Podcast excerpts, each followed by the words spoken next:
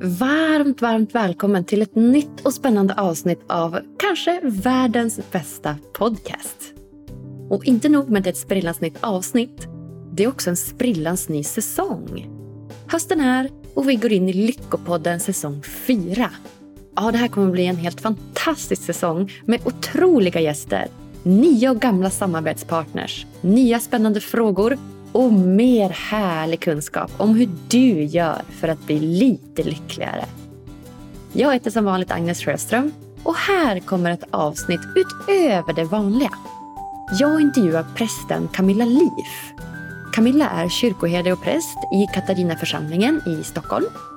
Hon är 53 år, född i Karlstad, uppvuxen i Sollentuna och bor idag i Stockholm. Hon gör, förutom tankar för dagen i P1, också helgsmål och gudstjänster i samma kanal. Hennes succérika sommarprat i P1 inspirerade mig att bjuda in henne till just den här podden för att prata mer om bland annat relationen mellan lycka och Gud, relationen mellan lycka och religion och slutligen den komplexa relationen mellan lycka och döden. Ja, ett helt fantastiskt avsnitt som jag hoppas att ni ska gilla. Varsågoda!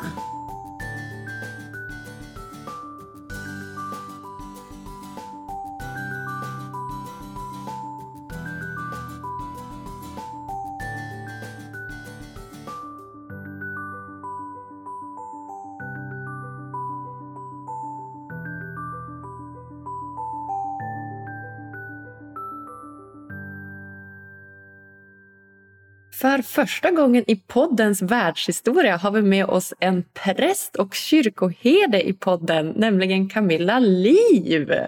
Hej, hej, det var på tiden.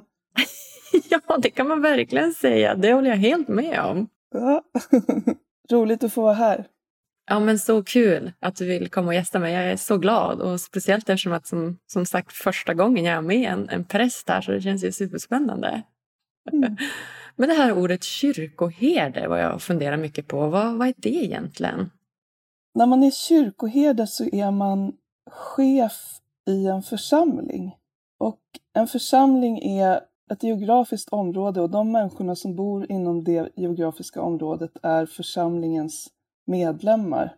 Och det finns inte en, en kvadratcentimeter av Sveriges yta som inte tillhör en församling. Så att varje församling, det finns Eh, församlingar över hela landet och varje församling har då en kyrkoherde som är präst och som leder det dagliga arbetet. Sen har vi en slags dubbel ansvarslinje så det finns också ett folkvalt kyrkoråd som är som en styrelse. Och snart är det kyrkoval så nu klämmer jag in en liten uppmaning. Det är folket och medlemmarna som styr kyrkan så det är bara att gå och rösta. Men kyrkoherden är, är en slags arbetsledare för församlingens arbete. Ja, då är jag med. Så det är en roll i kyrkan helt enkelt. Ja, precis. Ja, men snyggt. Ha, har du haft en bra morgon då, Camilla? Klockan är ju snart tio här och vi sitter och pratar med varandra på, på Teams, du och jag.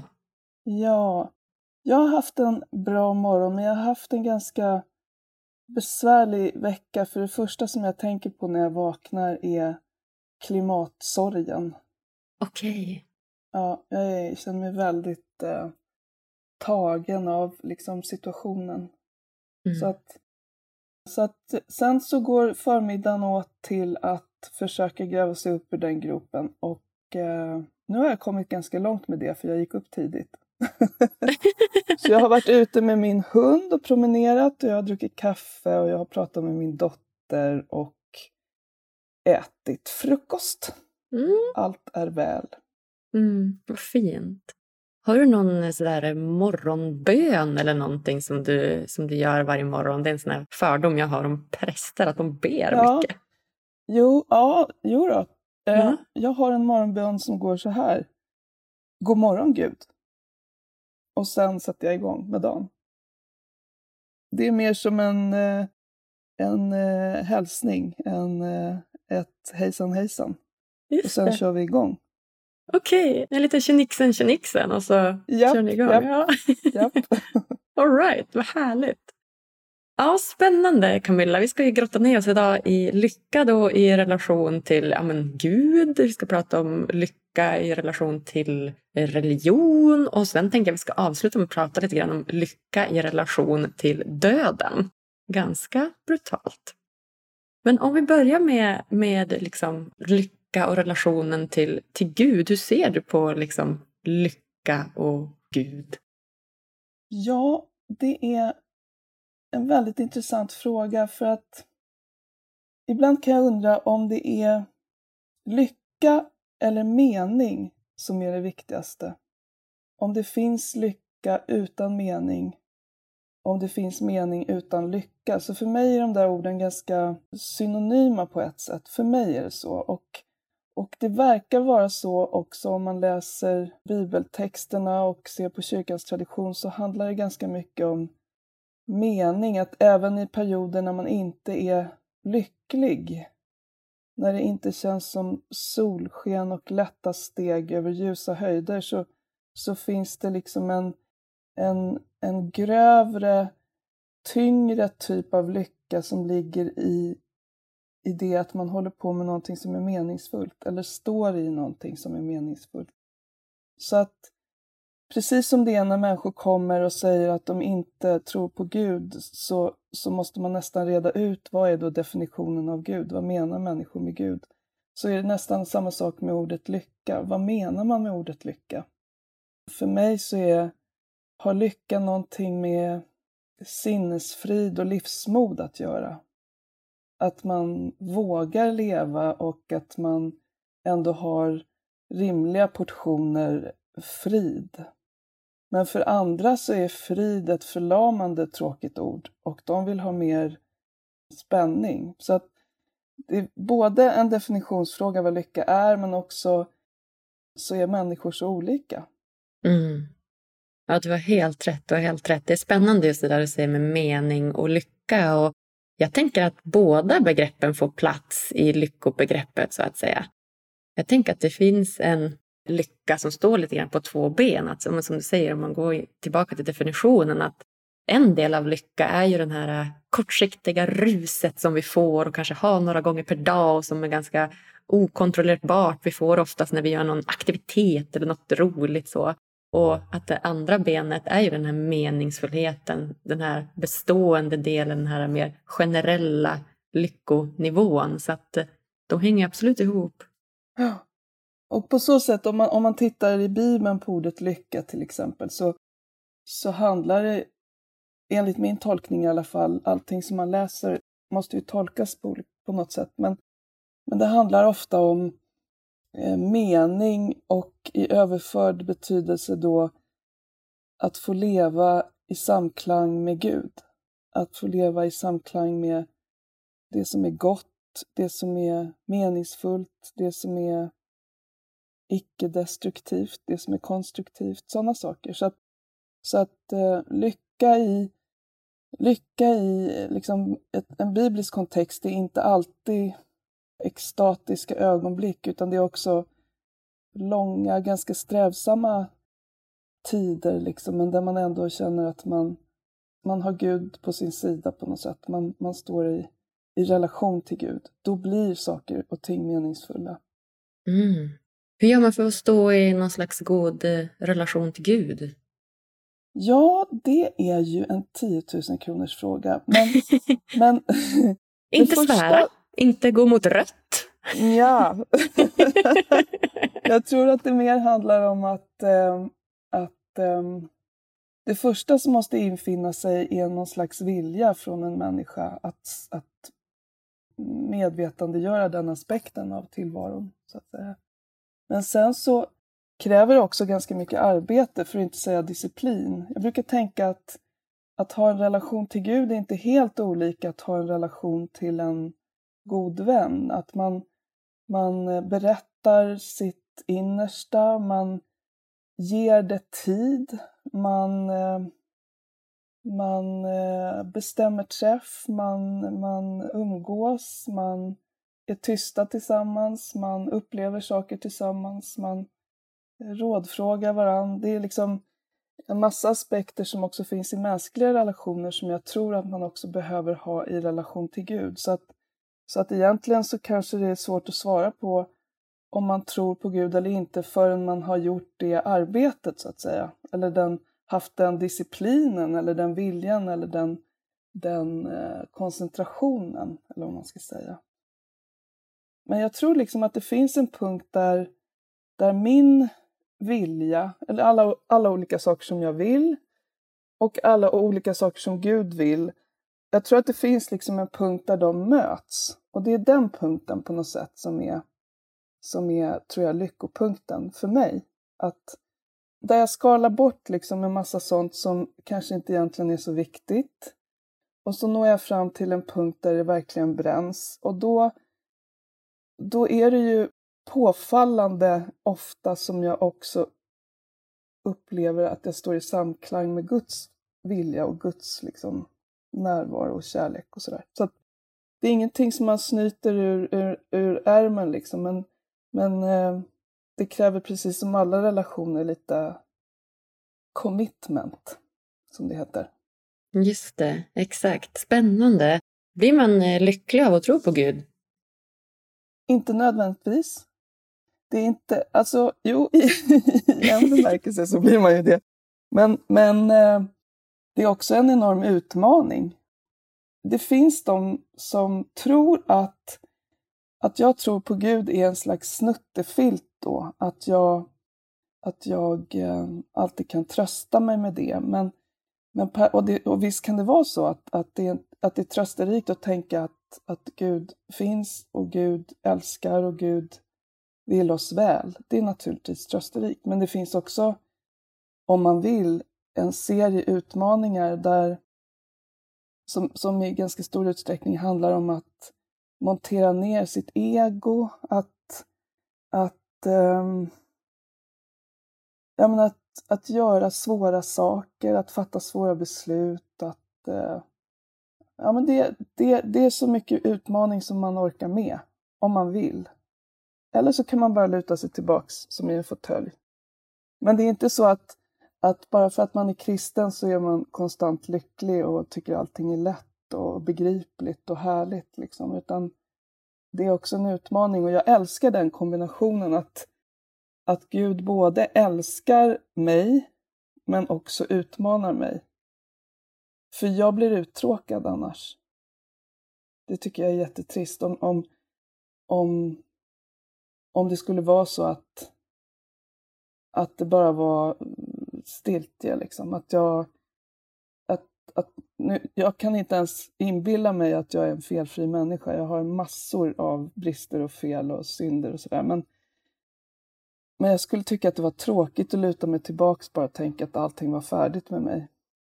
Om jag ens kunde inbilla mig det. Så, att, så att det är inte så att man automatiskt bara flyger omkring i ett rus, utan det finns också massor av arbete att göra, både med sig själv och med världen. Liksom. Men jag är samtidigt liksom grund, grundlycklig över att ha fått komma in på den här vägen. Ja. Om vi tänker de här utmaningarna som, som Gud ställer dig inför, vad kan det vara för typ av utmaningar? Ja, men det handlar väldigt ofta om, om egot jag tänker sådär, egot är ett ganska belastat ord, men vi behöver också ett ego, särskilt under, under ungdomstiden, att vi behöver liksom definiera oss själva och se om oss själva och sätta våra gränser och sådär. Att man liksom bygger upp en, en enskildhet på det sättet som, som gör att man fortfarande kan vara en individ, särskild från andra liksom. Men sen så tror jag att vi måste liksom dekonstruera egot ju äldre vi blir. Och eh, det svider. ett, ett ganska, eh, vad ska man säga, ett ganska ändå uthärdligt perspektiv på det är ju till exempel att bli förälder. Då, då blir det liksom automatiskt att man börjar tänka mer på någon annan än på sig själv.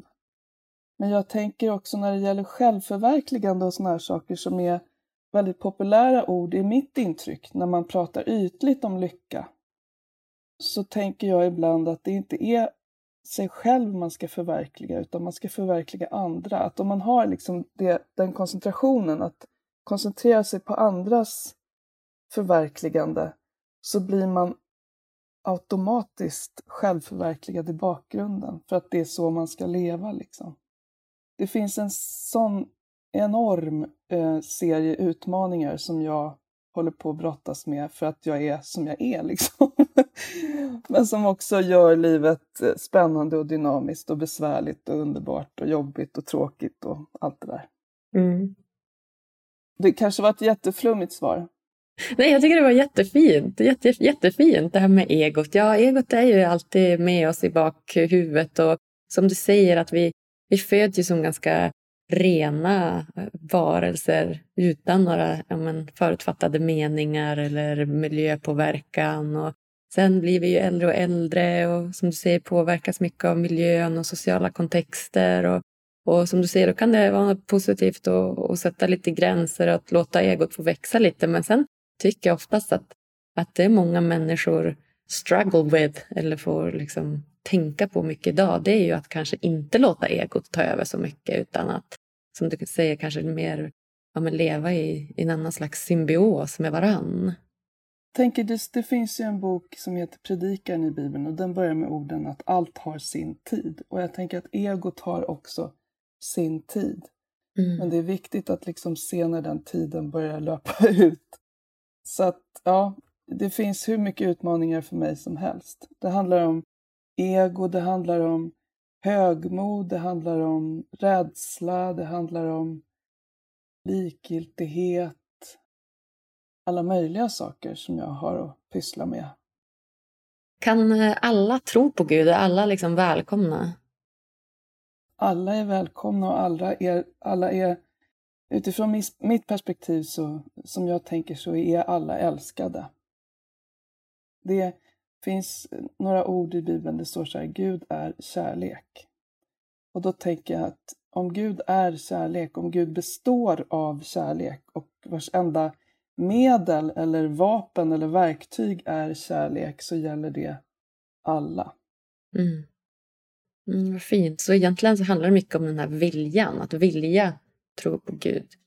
Att fördjupa sig, att, att, att pröva, att, att, att göra jobbet liksom. Ja, men jag har ju en bild av, eller har haft en bild av liksom, religion i allmänhet. Alla typer av religioner. att ja, men, Om man tittar lite ytligt liksom, runt om i världen så känns det ofta som att det är, men det är mycket krig och det är mycket fiender och det är vi och dem. Och man delar också ofta upp det i grupperingar och det är olika hudfärger man delar upp och man, liksom, man sätter oss i olika fack och att det blir liksom stora, stora slitningar. Och jag har nog ofta skylt religion ganska mycket för det. Alltså skylt på religion ganska mycket. Att ja, men islam och kristendom och judar och så. Och att det oftast grundar sig väldigt mycket det i historieböcker och, och liknande. Så får man ofta läsa mycket om det. Men nu på slutet så, så läste jag en kurs i historisk psykologi. Åh, spännande! Ja, det var så spännande. Och den fick mig att helt byta tankesätt när det kommer till till religion. För då pratar vi också mycket om, om vad är religion och vad är syftet med, med religion och hur hänger det ihop med lycka. Och vår lärare där, han är professor. Han heter Per Granström, tror jag. Han är professor i, i psykologi då, och han, han menar på att religion oftast gör oss lyckliga. För att i religion så har du oftast en, en tro, så du tror på någonting. Och ja, men, liksom strävar mot någonting som är liksom högre än dig själv, något liksom större. Vilket oftast får, får oss att ja, men, bli lite lyckliga. Och sen har du också den här eh, meningsfullheten av att tro på någonting, verkligen. Och, och samtidigt har du också den här gemenskapen, att man träffas tillsammans i kyrkor eller moskéer eller liknande och ber. Så att min, min bild av, av religion har verkligen förändrats. Det gläder mig.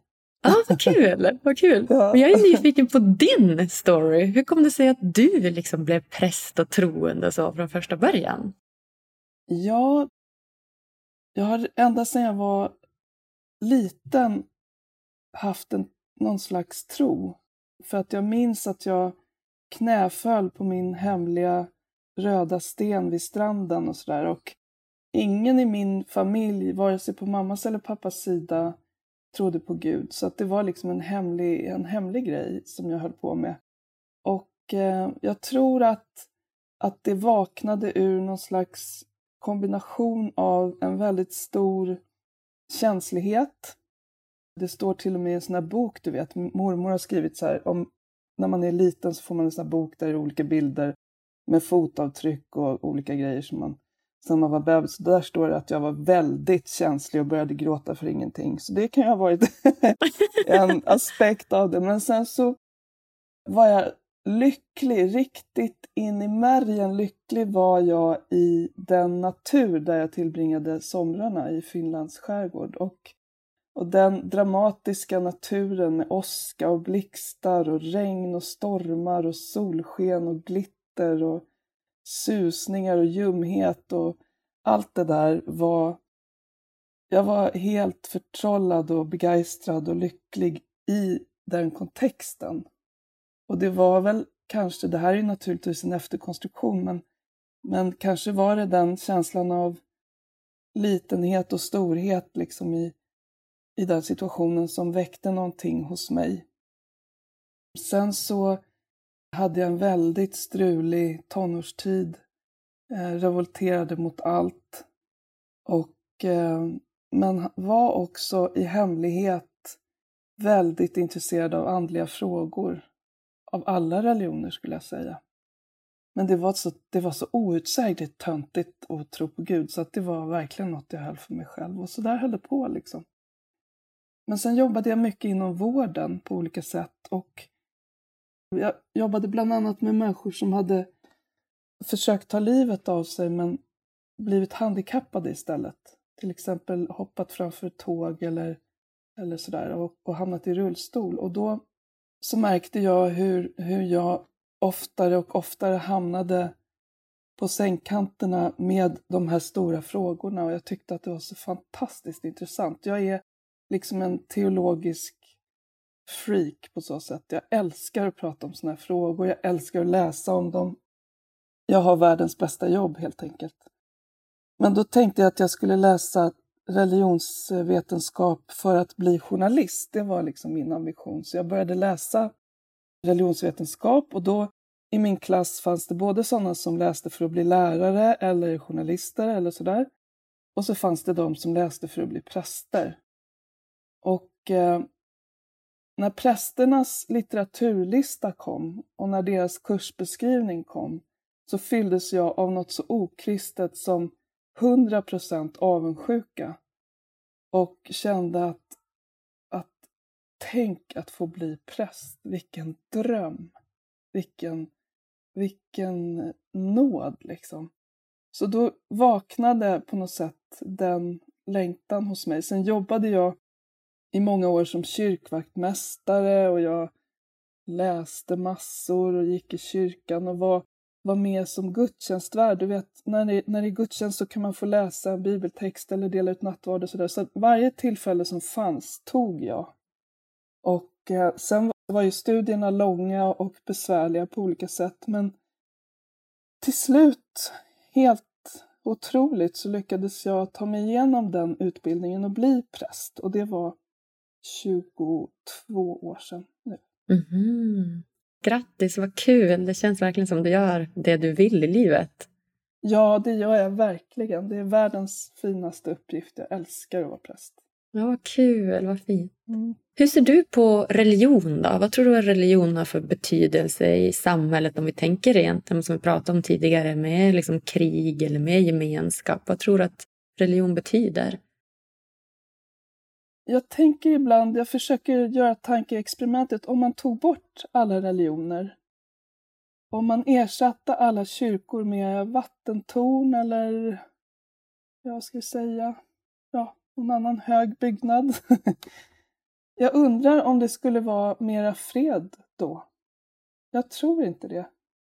Men det är helt klart att, att, eh, att många vad ska man säga, kidnappar religionen som, kontext för att genomdriva sina viljor liksom. Och ställer till med massa hemska saker. Och det finns ju ingenting som är sorgligare. Men om man tar för mig så är religion och krig är liksom varandras motsatser på något sätt. Det är ett sånt icke-ord liksom. Det finns inte i någon religion. Alla religioner har den gyllene, gyllene regeln att man ska älska sin nästa som sig själv. Det finns liksom i alla, med små variationer i ordalydelsen så finns samma budskap i alla religioner. Så att det handlar nog ganska mycket om, om oss inte alls om Gud. För mig har det ändå varit så pass viktigt att, för man kan ju vara troende utan att tillhöra, man kan ju tro på Gud utan att tillhöra religion så att säga. Eh, man kan ställa sig utanför det. Men för mig är gemenskapen och trasslandet med gemenskapen i en religiös kontext så oerhört viktig och så otroligt lärorik. Man är ett gäng som säger så här, ja vi tror på Gud och vi vill vara tillsammans, hur gör vi? Och så uppstår otroligt mycket frågor kring hur ska vi göra nu då? Vad är rätt? Vad är riktigt? Vem behöver, vem är minst ibland oss och behöver en röst och skydd och tröst och omsorg? Vem är högmodig och tar sig rättigheter som man inte har och sådär. Så, så det, är det är verkligen en skola att vara i en gemenskap. Och eh, jag får alltså ägna hela mina dagar åt att tänka på de här frågorna, att försöka gestalta dem, att få bli slagen på tassarna när jag gör fel eller liksom är egotrippad eller ärelysten. Så att det är verkligen, det finns verkligen fantastiska saker med att tillhöra en religion. Men i dessa dagar när talibanerna under religiös flagg liksom fullständigt raserar möjligheterna för framförallt flickor och kvinnor att leva levande liv liksom, så kan jag verkligen förstå om man ifrågasätter religionen som fenomen. Mm. Men för mig är det så långt ifrån religion man kan komma. Äkta religion har med frihet att göra. Att frigöra människan från saker som hon är slav under. Det kan vara allt ifrån missbruk, samhällsstrukturer, orättvisor, självbilder, vad det nu kan vara. Så för mig så handlar liksom lackmustestet på en religion eller en religiös kontext, om den är på riktigt andlig eller inte, det är om den leder till människors andliga och inre frihet eller inte. Mm fint. Verkligen. Där kan man skilja dem åt väldigt mycket. För som du säger, man använder som religion idag som en mask eller som, som någon slags ja, men, lager liksom, för att ja, men, ibland skapa konflikter eller oro. Och, och använder det som... Ja, man använder det på ett, på ett sätt som blir väldigt icke-främjande för religion. Alltså som, som min liksom, ja, men, första syn på religion var ju bara att ja, religionen det skapar ju bara krig och det skapar ju bara uh, olikheter och så. Och just den här tolkningsfrågan också, att det handlar mycket om hur man, hur man tolkar då det som står. Det måste ju också göra sitt så att säga, att man kan ju faktiskt tolka saker lite annorlunda. Bara för att någonting är strängt inom religion så behöver inte det omedelbart betyda att, att det är förtryckande. Jag tänker på alla som går i i kloster till exempel och underkastar sig en ganska rigid disciplin. De gör det frivilligt för att det skapar en, en inre frihet. Så att, så att, så att Alltså man offrar en typ av frihet framför en annan typ av frihet. Så skulle jag säga. Om man inte vet liksom, till exempel vad ett kloster eller en, ett buddhistiskt kloster är till för så kan det på ytan se ut som att det bara är stränghet och förtryck. Liksom. Medan det för de som är inne i den handlar om en avancerad typ av frihet, så att säga. även om man tar det i, med i bilden så finns det ju massor av kontexter som är förtryckande och som inte är liksom frihetsfrämjande. Då får man ju som representant försöka stå för det som man längtar efter på något sätt. Ibland kan jag tänka när människor går ur kyrkan för att, för att, för att det i kyrkan funnits och finns kvinnoprästmotståndare så tänker jag så här, ja, fast det hjälper ju inte mig. liksom, kom in istället. Kom in och ändra på, på saker. Faktiskt. Liksom. Faktiskt. Mm. Och delaktig och, och, den gemenskapen. Ja, och jag tror som sagt eftersom att vi har ju en extremt utbredd ensamhet i, i Sverige. Vi har ju flest singelboenden i Stockholm tror jag i hela Europa. Och det känns ju verkligen som, som en bra grej bara att bryta ensamhet, att söka sig mot kyrkan och, och den typen av gemenskap. För där är vi som du säger, vi är ju alltid välkomna. Man kan prova i alla fall. Det inte, faller inte alla på läppen. Men, men, men det är inte, vi är inte farliga och vi är inte hjärntvättade. Nej. Vi är precis lika knepiga och underbara som alla andra. Ja. Så himla fint Camilla. Och jag vet ju också att du har en speciell relation till döden. Ja. Kan du inte berätta lite mer om den? Jag vet inte om den är särskilt speciell, men den är väldigt intensiv och jag pratar mycket om den. Jag tycker att döden är mycket svår att älska, om man säger så. Verkligen. Den är så fruktansvärt utmanande på så många olika sätt. Det är ju självklart att det är så, men, men om jag försöker tänka lycka och döden, om jag försöker tänka vad de har med varandra att göra, så jag leker ibland med tanken, om jag fick precis som jag ville, då skulle jag få bli 150 år. Eller få bestämma själv när jag är trött på det här. Jag längtar liksom efter den dag när jag kan säga att, som det står i Bibeln, han var mätt av dagar. Alltså när man är mätt, man är proppmätt. Man är inte sugen på något mer. Men samtidigt så inser jag att det vore helt omöjligt att liksom bestämma den dagen och sådär. Det skulle liksom inte gå, för det första. Och för det andra så är det inte bara jag som ska gå runt här och ha det mysigt, utan det ska ju få finnas andra människor också och då måste man lämna plats liksom. Men, men eh, jag, tycker in, jag ser inte fram emot den skilsmässa som det innebär att skiljas från livet som vi känner det här och de människor som jag älskar. Men det är så väldigt, väldigt många som har dött och så väldigt, väldigt, väldigt många som har sörjt. Och det verkar ju som att man klarar av det, så att det ska väl gå på något sätt. Men det är knepigt. Det är en väldigt, eh, ett väldigt stort det är, en ganska, det är en väldigt stor uppgift som åläggs oss att både vara förgängliga däggdjur med, med kroppar som tar slut och samtidigt vara stora själar med en medvetenhet om så mycket. Och som att vi själva kan, att vi, ditt liv för dig och mitt liv för mig är ju otroligt värdefullt. Det är liksom, det går inte att sätta något pris på det liksom. Och samtidigt bor vi i sådana här ofullständiga fordon liksom. Så att det är a tall order, som det heter, att, att, att, att, att klara av det här, tycker jag. Så att min, min relation till döden är väl ungefär som en tonåring till två stränga föräldrar. Jag fäktar och brottas och, och eh, skriker och, och ryar och sådär. Men jag vet vart jag är på väg. och på sätt och vis så skapar ju det också liksom gränserna för eh, lyckan. Jag undrar ibland, en del säger sådär att men om vi inte visste att vi skulle dö då skulle vi heller inte uppskatta livet. Och jag tror att det ligger något i det, även om det låter väldigt klyschigt.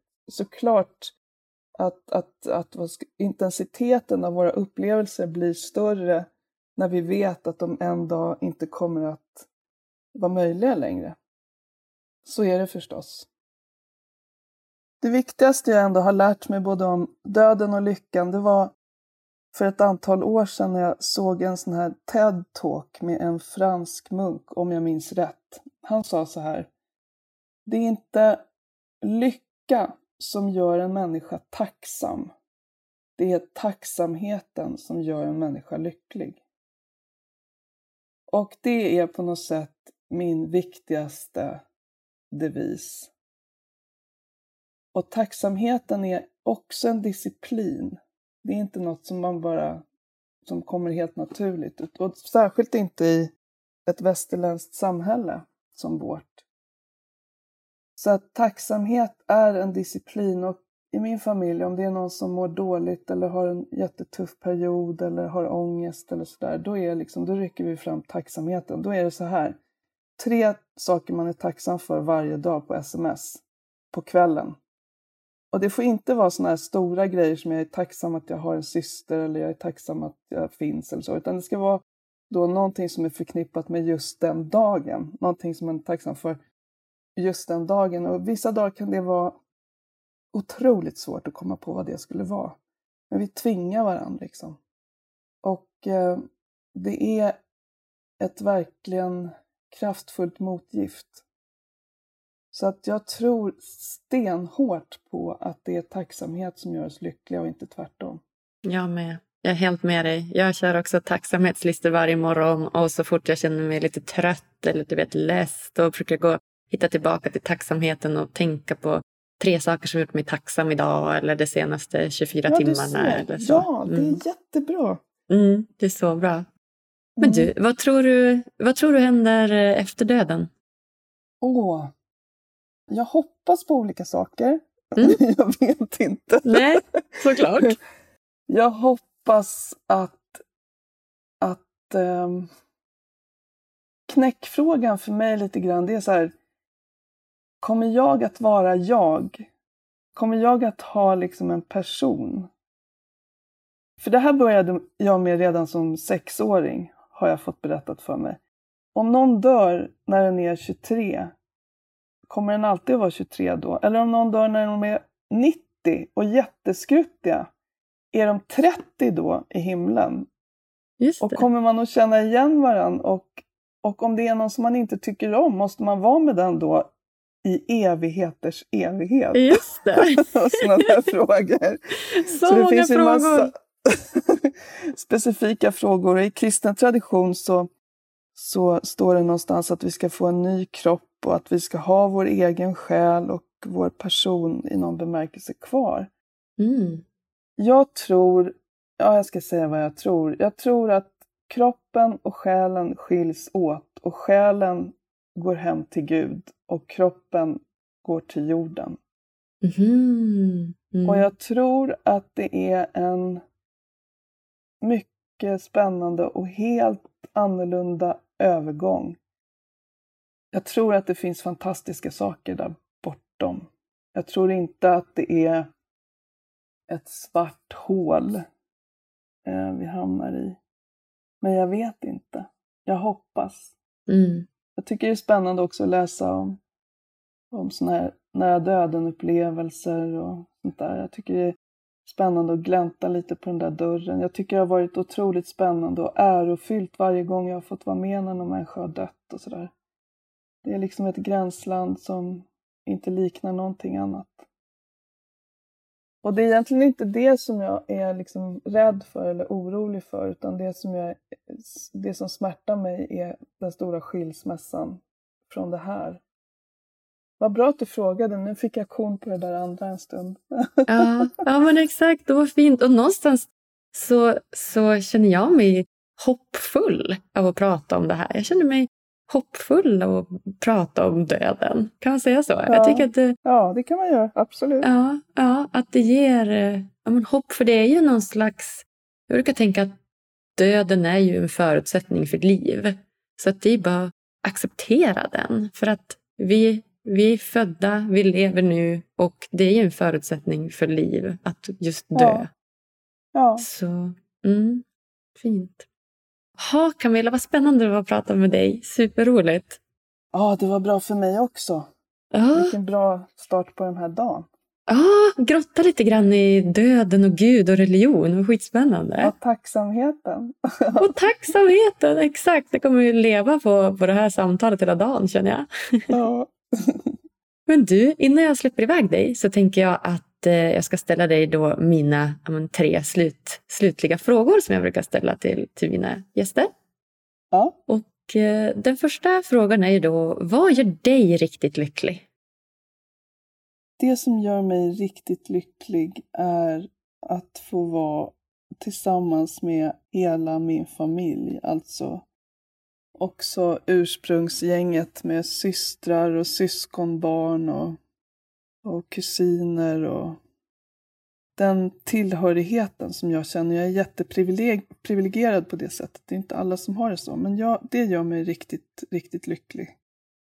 Och eh, såna här saker som att simma i ljummet vatten eller liksom gosa med min hund som luktar popcorn på tassarna och sinnliga saker gör mig riktigt lycklig.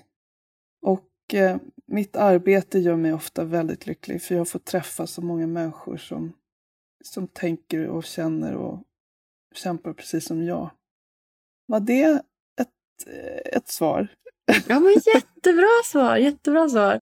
Och jag gillar framförallt den här eh, saken som om att få vara sinnlig. Alltså att eh, känna vattnet, det ljummiga vattnet eller lukta på popcorntassar. Det, det tycker jag att vi, vi glömmer bort att vara mer i våra sinnen och, och se på vackra saker eller känna beröring eller så. Det, det är något som ja, jag tycker är så för det är nästan det enda jag håller på med, men det kanske finns människor som glömmer det. ja, jag glömmer det. Jag kan glömma det. Jag kan ja. hamna så mycket i, i tanken. Och du vet, så här, tacksamhet är ju bra, att man kan tänka sig lite liksom, lyckligare. Men, men en annan väg är ju just via sinnena. Att känna, smaka, lukta. Och det är inte att glömma. Nej, det är jätte... Det är, väl, det är billigt och det är underbart. Verkligen, verkligen. Mm. Ha, vilket är ditt bästa lyckotips? Ja, men det är nog faktiskt att det är tacksamhet som gör en lycklig och inte lycka som gör en tacksam. Ett annat tips som är liksom lite sådär präktigt, men som är verkligen sant, det är att om man känner sig olycklig på ett eller annat sätt så ska man koncentrera sig helt och hållet på någon annan. Ibland så bestämmer jag i hemlighet att idag är stora signedagen, säger vi. Och då så är min, min enda uppgift den dagen är att göra tillvaron så bra som möjligt för henne. Och genom att göra det så slipper jag mitt eget navelludd och mina egna bekymmer för en liten stund och får tänka på någonting annat. Och det är väldigt effektivt. Mm, jättebra. Gud vilket bra tips. Att fokusera 100% på någon annan. Det var ju toppen. Ja. Och det är inte självförnekelse. Det är liksom inte självutplåning eller brist på självrespekt. Det är bara en jätte, jättebra metod att, att komma loss. Liksom. Mm. Ja, fantastiskt. Vart ser du dig själv om fem år? Om fem år så hoppas jag, det låter inte heller så särskilt spännande, men just eftersom jag är så ansatt av klimat ångest just nu så hoppas jag att saker inte är så jätte, jätte annorlunda från hur de är nu. Men det är en ganska fåfäng förhoppning. Men jag har ett fantastiskt liv eh, som det är. Jag har ett barn och en make och en labrador och en familj och ett landställe och ett underbart arbete så att jag trivs med det. Vad skönt. Ja, nej, är det något så slutligen som du känner att du vill lägga till här som du inte fått säga än till lyssnarna? Jag skulle vilja höra vad, vad du tänker att du är om fem år. Jag tänkte faktiskt på det nu när jag frågade dig. Att så här, jag har bara frågat den frågan typ i kanske tre poddavsnitt för att jag tycker att den är så spännande. Så det är en ganska ny fråga. Så jag, sa, jag tänkte precis på det, så här, men vad, vad skulle jag själv svara på den frågan? Men prova då. Mm, jag ska prova. Och som jag känner just nu idag så ser jag mig själv om fem år på en strand med eh, min pojkvän. I, i, det, bilden jag får upp i huvudet är i ett något varmare land. Jag tror, jag tror att det skulle kunna vara Grekland. Antingen Grekland eller så är det Asien. Men jag, jag ser många sådana här vita klassiska hus på ett, på ett berg som i de här Mamma Mia-filmerna. Så ja. jag tror att vi går runt där. Och antingen så är vi på, på semester, men jag tror att, att vi är lite bestående där. Jag tror att vi kanske har något litet bed and breakfast kanske och spenderar, spenderar tid där i något varmare land. Det är den, den bilden jag får upp mitt huvud nu.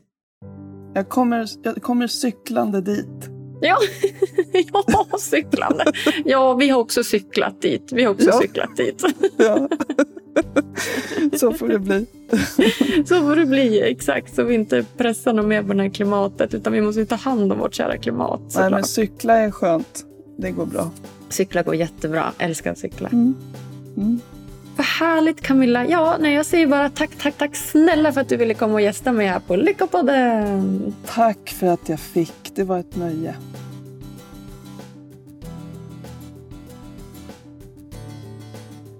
Oh, wow, hörni, vilket härligt avsnitt. Jag känner mig så lugn och trygg i Camillas närvaro. Kanske var det Gud också som vakade över oss och gjorde oss så ja, men, trygga och glada och sprudlande och lyckliga. Ja, det är nästan så att jag vill gå och bli kristen själv och leva mitt liv kanske lite närmare Gud. Vad har du för relation till Gud? Det hade varit så himla spännande att få veta mer. Skriv jättegärna till mig på Instagram. Det hade varit så himla kul. Och kära lyssnare, om ni tycker den här podden är lika bra som jag, då önskar jag av hela mitt hjärta att ni går in på iTunes eller Podcaster och klickar i prenumerera-knappen. Följ oss gärna på sociala medier och sprid avsnittet till alla ni känner. Vi hörs på tisdag igen. Puss och kram!